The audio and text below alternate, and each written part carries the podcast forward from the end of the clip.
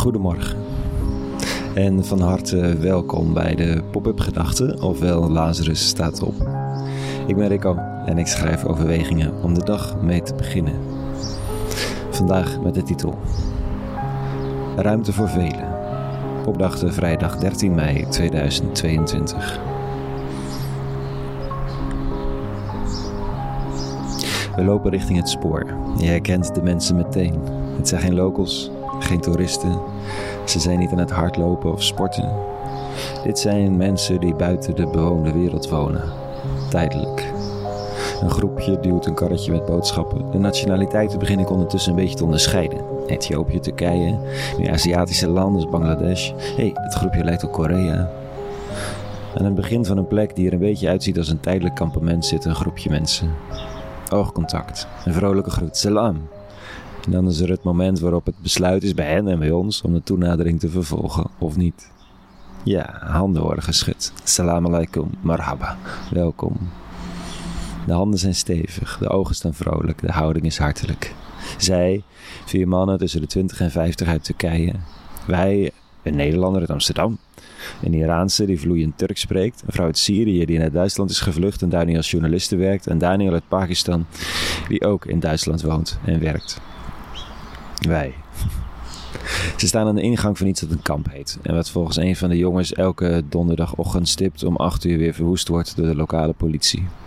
Ze waren gisterochtend geweest. Sommige tenten worden verbrand, alles wordt kapot gemaakt.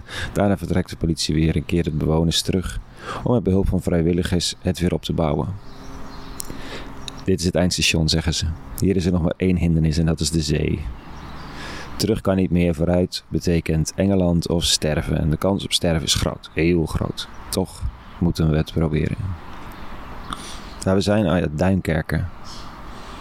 Ik word daar nu net wakker in een hotelkamertje en lees een tekst. Dit staat er. In die tijd zei Jezus tot zijn leerlingen: Laat uw hart niet verontrust worden. Gij gelooft in God, gelooft ook in mij. En in het huis van mijn vader is ruimte voor velen. Waar het niet zou, dan zou ik het u gezegd hebben, want ik ga heen om een plaats voor u te bereiden. Ruimte voor velen. Dat ervaar ik op deze verdomplek. Hier is ruimte voor velen. Hier zijn we met velen. Het is alleen geen huis. En volgens alle heersende opvattingen mag deze plek er niet zijn. Het is wel de enige plek waar ik de ruimte ervaar. Het vadershuis waar Jezus het over heeft, vlak langs het spoor in Frankrijk. Net voor de zee, buiten de stad, elke donderdag verwoest en weer opgebouwd. Vol angst, bitterheid, verdriet, lijden, hoop, geloof, liefde, langskomende maffia en smokkelaars, zonder enige bescherming, maar met ruimte voor heel de wereld.